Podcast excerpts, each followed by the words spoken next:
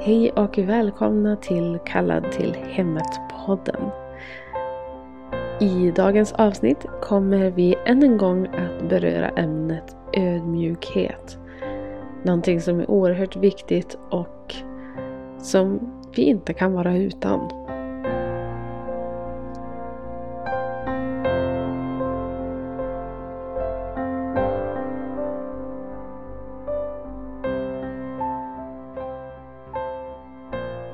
Välkomna tillbaka igen efter den här lilla sommarpausen.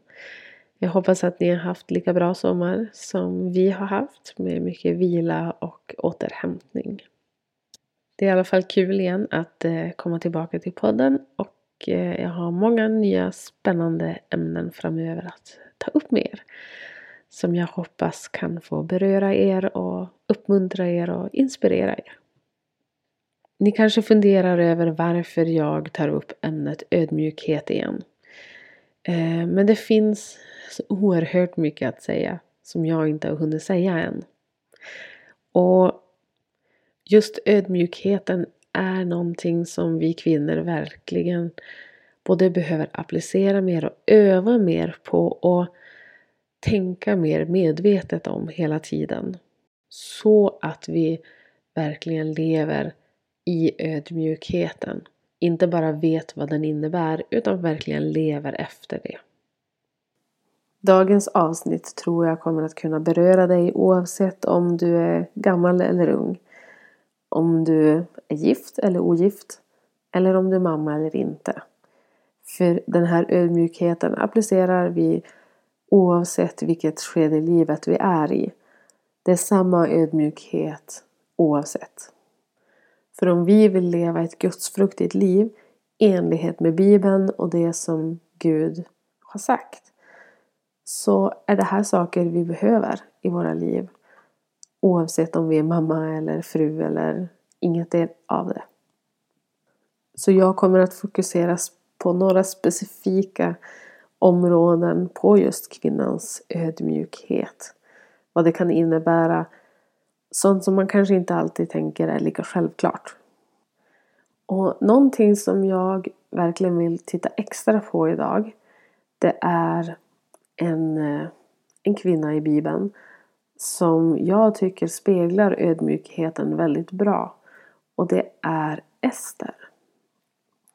Och just Ester är en person som jag inte har haft så jättemycket koll på förut.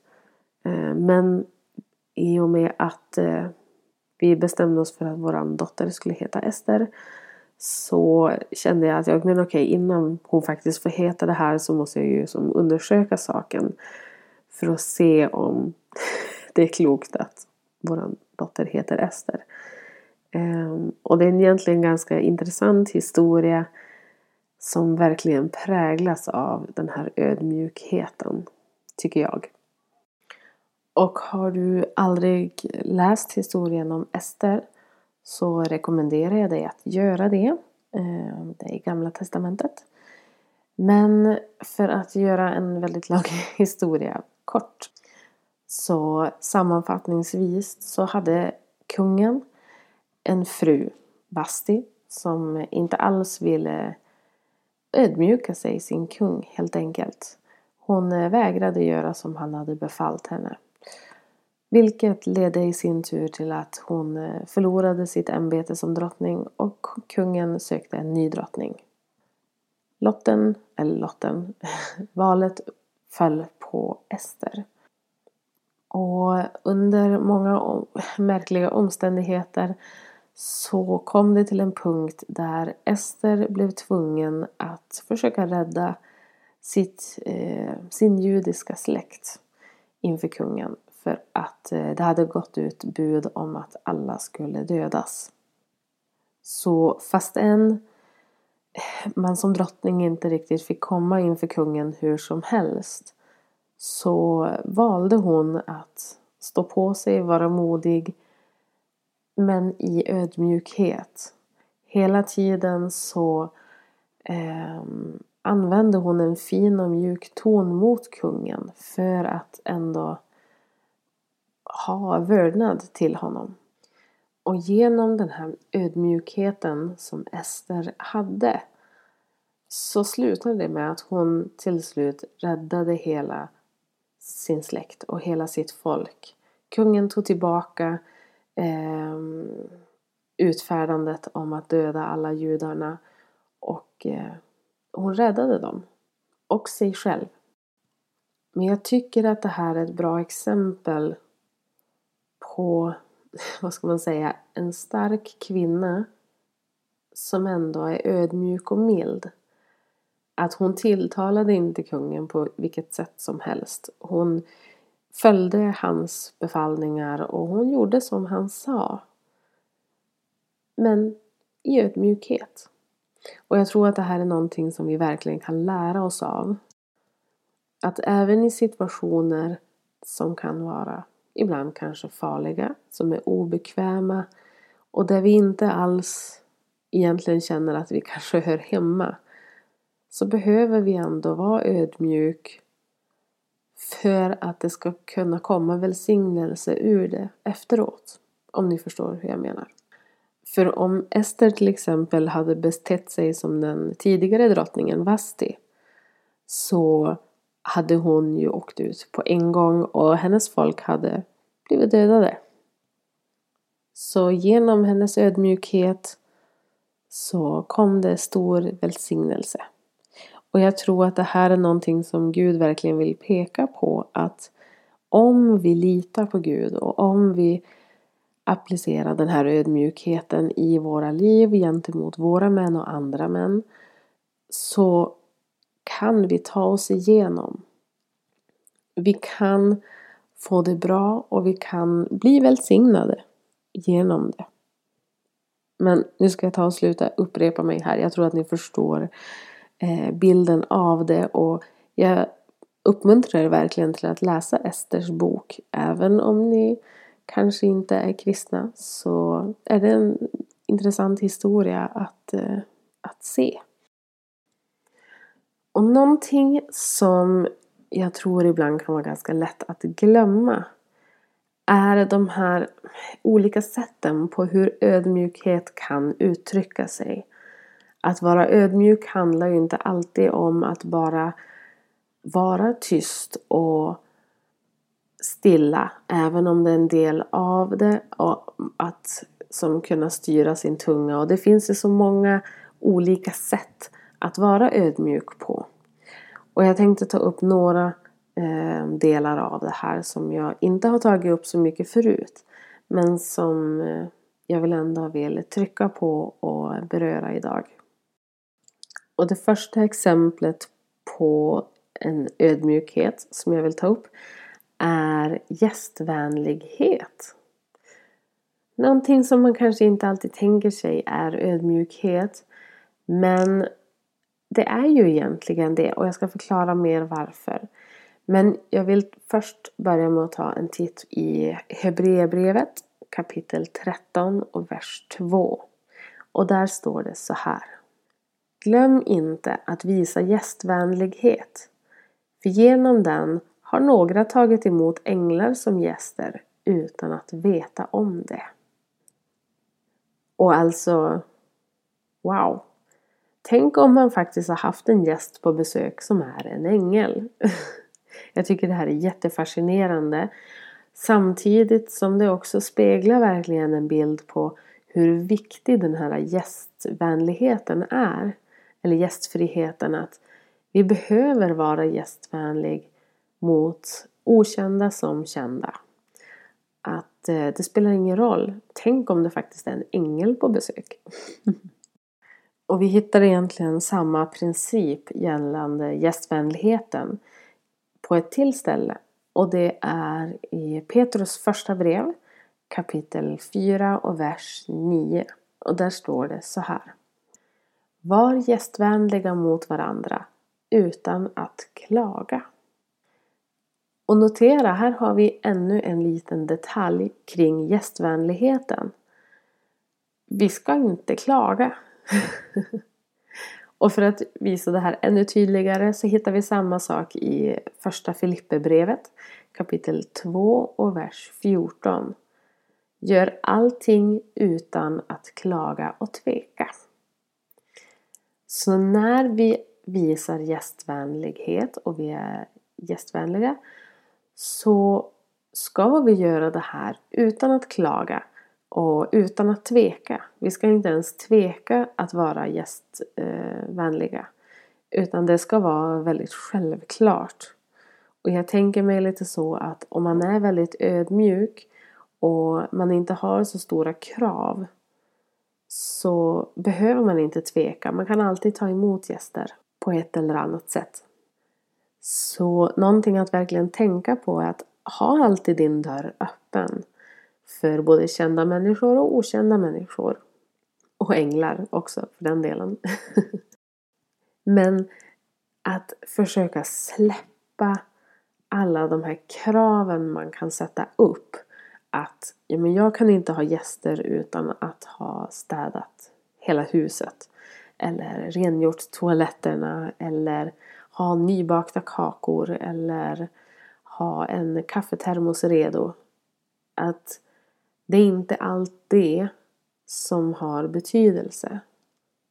Visst, det kan ju vara trevligt om man har ett trevligt hem och man kanske har någonting att bjuda på. Man kanske vill bjuda på mat eller vad det än kan vara. Men sätt inte det som ett krav för att kunna ha gäster. Och det här är någonting som faktiskt jag brottas jättemycket med. För jag har jättesvårt för att släppa de här kraven på mig själv och på vårat hem. Jag är ju lite uppvuxen med att det ska vara fint och man ska... Det, det ska vara på ett visst sätt. Om det då inte är så eller jag känner att det jag har gjort här hemma inte riktigt räcker till så kan jag bli lite illa till mods över att ta emot gäster och därmed faktiskt tveka. Så ingen är perfekt. En del kanske inte tvekar överhuvudtaget utan släpper in hur som helst och det är jättebra. Men om vi känner de här spärrarna att åh nej, jag har inte städat huset perfekt och nu kommer det någon. Så måste vi kunna släppa det. För det är inte det som är det viktiga. Utan det viktiga är vad vi faktiskt har i hjärtat. Och hur vi tänker att ja, men den här människan är välkommen och om den inte tycker att mitt hem är nog städat så kanske inte den uppskattar våran gästvänlighet på ett bra sätt. Men det är i så fall någonting som vi inte ska lägga energi på utan det vi ska lägga energi på det är att vara en god värd, eller vad man ska säga. Att gästen ska kunna känna sig hemma och välkommen och uppskattad och om de inte är kristna till exempel så ska de kunna känna sig upplyfta av ett besök i vårt hem. Och även om du som lyssnar nu inte är kristen till exempel så är ju ändå den här gästvänligheten väldigt bra att applicera. Det är en god och fin egenskap. Så även om du inte följer en biblisk modell så vill jag ändå uppmuntra dig till att verkligen applicera en gästvänlighet. För det kommer att gynna både dig och andra. Men kom också ihåg att klaga inte. Jag menar din gäst kanske kommer in med skorna. Men det ska inte vara ett problem. Vi kan städa efteråt. Så försök att ändå tänka på det att se det positiva med allting istället för att se det dåliga. Så till någonting annat som jag tror också är väldigt viktigt i den här ödmjukheten som man kanske också ibland lite tar för givet. Och det är tacksamhet. Vi behöver för det mesta lära oss att vara mer tacksamma. Tacksamma för hur vi har det, tacksam för vårt liv. Det finns oerhört mycket i våra liv att vara tacksam för. Men också tacksamhet inför Gud. För att även om vi går igenom prövningar och svåra tider så ska vi ändå tacka Gud. För att ofta så finns det ett syfte med våran prövning. Um, så att den sker är någonting vi bör tacka Gud för. För att han kanske vill visa oss någonting. Eller att vi behöver växa på något sätt, eh, på något område. Eller jobba med saker. Eller vända oss bort från saker. Så försök att se tacksamheten även när det tar emot. Och för att ta några verser som ett exempel på just tacksamhet Ehm, så hittar vi i Saltaren 118 vers 1. Då står det så här. Tacka Herren för han är god, till hans nåd varar för evigt. Så vi ska tacka Herren för att han är god och för att han har nåd med oss och för oss. Så bara den nåden i sin ensamhet är skäl nog för att vara tacksam och tacka Herren. Men det står också i Saltaren 92, vers 2 och 3. Det är gott att tacka Herren och att lovsjunga ditt namn. O du den högste, att var morgon förkunna din nåd och var natt din trofasthet. Så här ser vi igen också ett exempel att varje morgon och varje kväll eller natt så ska vi tacka Herren och verkligen lovsjunga hans namn för att allt vi har är från honom. Han är verkligen den högste. Han är våran skapare och vem är vi utan honom? Och vi bör tacka honom för allting. Även de små sakerna och bara en sån sak som att faktiskt vakna upp varje morgon. Någonting så självklart som ändå är en sån oerhört stor välsignelse för oss. Så står det också i första Thessalonikerbrevet kapitel 5, vers 16 till 18. Var alltid glada. Be utan uppehåll. Tacka under alla förhållanden. För det är Guds vilja med er i Kristus Jesus. Så än en gång, här har vi en uppmuntran. Var alltid glada. Och det står också att vi ska vara glada i prövningen. Och jag har ju redan snuddat lite grann vid det, men vi bör vara glada. För att prövningen är någonting som vi behöver gå igenom för att komma närmare Gud. Och be utan uppehåll. Vi ska be alltid. Vi ska alltid vara i bön. Visst, man kanske inte hela tiden, varje sekund är i en ständig bön. Men vi ska inte behöva känna oss låsta till att be när vi är med andra människor bara. Eller när vi har det svårt. Eller ja, ni, ni förstår. Men att i allting ta sig tid och be. För bönen är ju någonting som verkligen bygger på vår relation med Gud. Det är ju vår kommunikation med honom, bland mycket annat förstås. Eh, och det är inte alltid att vi behöver be om saker. Att Gud, nu måste du hjälpa mig med det här. Nu måste du ge mig det här. Det är ju ingen önskemaskin vi pratar med. Utan det är som en dialog med vilken vän som helst eller eh, förälder som helst. Att vi pratar med Gud via bönen. Och så då tacka under alla förhållanden. Det har jag också snuddat i. Vi ska tacka för allting. Allt vi har är tack vare Gud. En form av ödmjukhet inför Gud. Eh, inte bara andra människor utan framförallt inför Gud. Att den ödmjukheten alltid får genomsyra oss så att vi går till Gud i tacksamhet för att vi är milda och mjuka och tackar Gud. För om vi inte vore ödmjuka så kanske vi kommer och klagar till Gud hela tiden istället för att vara tacksamma. Och en till sak som jag vill ta upp är förlåtelsen. Om det finns någonting som verkligen definierar ödmjukhet så tycker jag att det är förlåtelse.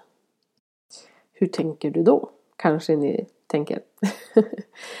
Men jag tänker lite som så att genom förlåtelsen så måste man släppa bort eller släppa iväg. Man måste putta iväg sitt högmod och det begäret av att hela tiden ha rätt. Och i och med det så blir det per automatik en sorts ödmjukhet. Att jag är inte den som har alla svar. Jag har inte alltid rätt. Utan man lägger undan högmodet och tar sig an en mildare ton. Och om vi då tittar i Bibeln så hittar vi i Saltaren 103 och vers 2 att det står så här. Lova Herren, o min själ, och glöm inte allt gott han har gjort för dig. Han som förlåter dig alla dina synder och helar alla dina sjukdomar. Och vidare i vers 12 så står det Så långt som öster är från väster, så långt tar han bort våra synder ifrån oss. Så här blir vi uppmanade till att inte glömma allt gott som han har gjort för oss. Och jag tror att det kan vara lätt att glömma det ibland när man hela tiden strävar efter någonting nytt. Att istället för att tacka Gud, som vi pratade om, eh, för allting som han har gjort för oss redan så kanske man ibland råkar fokusera för mycket på det som inte är gjort. Så vi får inte glömma allt som vi har blivit välsignade med och lova Herren för det. Och Herren förlåter våra synder och helar våra sjukdomar. Och så långt som öster är från väster tar han bort synderna ifrån oss. Och jag tycker att det är en väldigt fin princip att när Gud förlåter oss, då finns det inte mer. Så när vi håller på att älta våra saker hela tiden, att ja, ja, jag gjorde ju det här och jag gjorde ju det där. Så blir ju Gud lite kanske som att, men vänta nu, jag har ju förlåtit det där. Släpp det. Det finns inte längre. Så vi behöver ju vända bort från det vi har gjort och gå vidare. I Andra krönikeboken kapitel 7, vers 14 så står det så här. Men om mitt folk som är uppkallat efter mitt namn då ödmjukar sig och beder och söker mitt ansikte och omvänder sig från sina onda vägar så vill jag höra det ifrån himlen och förlåta deras synd och skaffa läkedom åt deras land. Så här ser vi igen det som jag snuddade lite vid. Att om vi ödmjukar oss, vi ber och vi söker Guds ansikte och omvänder oss från våra onda vägar så kommer han att förlåta. Och just den här omvändelsen är så viktig. Så utöver förlåtelsen och att vi ska kunna förlåta människor och allt vad det innebär så måste vi vända oss ifrån våran synd. Bort från alla onda vägar som leder oss från Gud. Att Gud kan förlåta oss hur mycket vi vill. Eller hur mycket han vill. Men om vi inte vänder om, vad är vitsen? Så om vi då fortsätter läsa i Matteus evangeliet kapitel 6 och vers 14 så står det så här. För om ni förlåter människorna deras överträdelser så ska också er himmelska fader förlåta er. Och vidare i vers 15. Men om ni inte förlåter människorna deras överträdelser så ska inte heller eran fader förlåta era överträdelser. Så allt det här hänger ju ihop. Att vi förlåter människor för det som de har gjort fel så att våran himmelske fader, Gud, förlåter oss. Och i och med det så kan vi ju känna oss andligt fria. Eh, när vi får förlåtelse så får vi frid. Och när vi förlåter andra så får vi frid. Så om du har någonting oförlåtet som ligger och gror, ta itu med det. Innan högmodet slår in och du till slut inte kan förlåta. Och människor gör dumma saker ibland och kanske uttrycker sig på klantigt sätt. Men vi måste ändå ödmjuka oss och förlåta. Lite principen Förlåt dem Gud, för de vet inte vad de gör. Att om man alltid har den mentaliteten att de förstår kanske inte alltid att det de gör sårar eller att det de gör är fel. Men att vi ber om förlåtelse också för dem inför Gud tror jag är någonting som är väldigt viktigt. Att vi är ödmjuka, att vi gör inte allting rätt. Men vi vill ändå att de ska få förlåtelse för det och vi förlåter det de har gjort. Det är oerhört viktigt och när vi applicerar förlåtelsen så kan man verkligen flytta berg. och om ni vill lyssna mer om just det här eh, passagen i krönikeboken eh, 7.14 Men om mitt folk som är uppkallat efter mitt namn då ödmjukar sig och beder och söker mitt ansikte och omvänder sig från sina onda vägar så vill jag höra det från himlen och förlåta deras synd och skaffa läkedom åt deras land. Hela den versen finns som grund eh, hos Lars Enarsson och är ni mer intresserade om det så kan jag verkligen varmt rekommendera att gå in på hans eh, Youtube-kanal Lars Enarsson och lyssna mer där.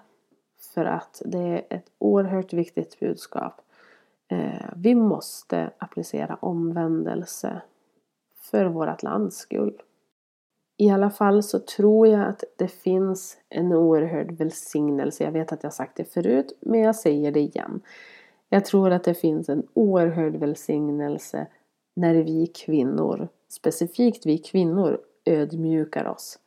När vi faktiskt följer Guds ordning som han instiftade redan i skapelsen. Vi ska underordna oss våra män.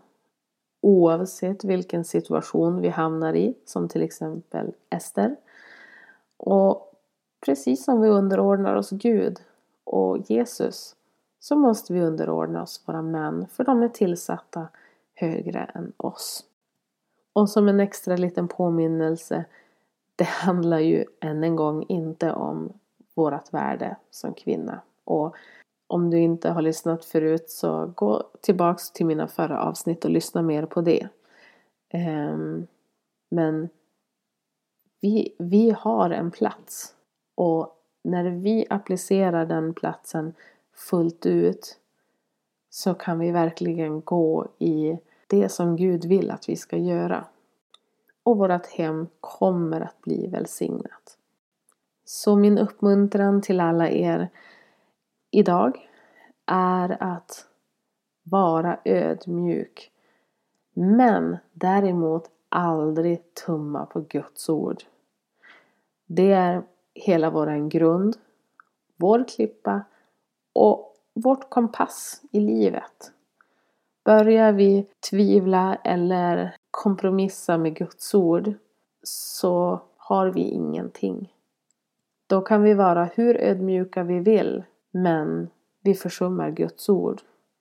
Och det är inte bra. Så ödmjukhet men ändå en trofasthet till Gud. Det, det är vägen vi ska gå. Så det är min uppmuntran till dig idag att eh, vara ödmjuk men stå upp för Guds ord och Guds ordningar. Ja, det blev kanske ett litet ringrostigt avsnitt efter den här sommarledigheten. Men eh, nu är vi i alla fall tillbaka och jag hoppas att det här avsnittet har kunnat vara till välsignelse för dig. Och vill ni komma i kontakt med mig så kan ni nå mig på min mail eh, kallad till hemmet at gmail.com Eller så kan ni besöka min Instagram med samma namn, kallad till hemmet och skicka ett litet meddelande där eller vad än ni vill göra. Så tack för att du har lyssnat idag så ses vi igen om två veckor. Var välsignad. Hejdå!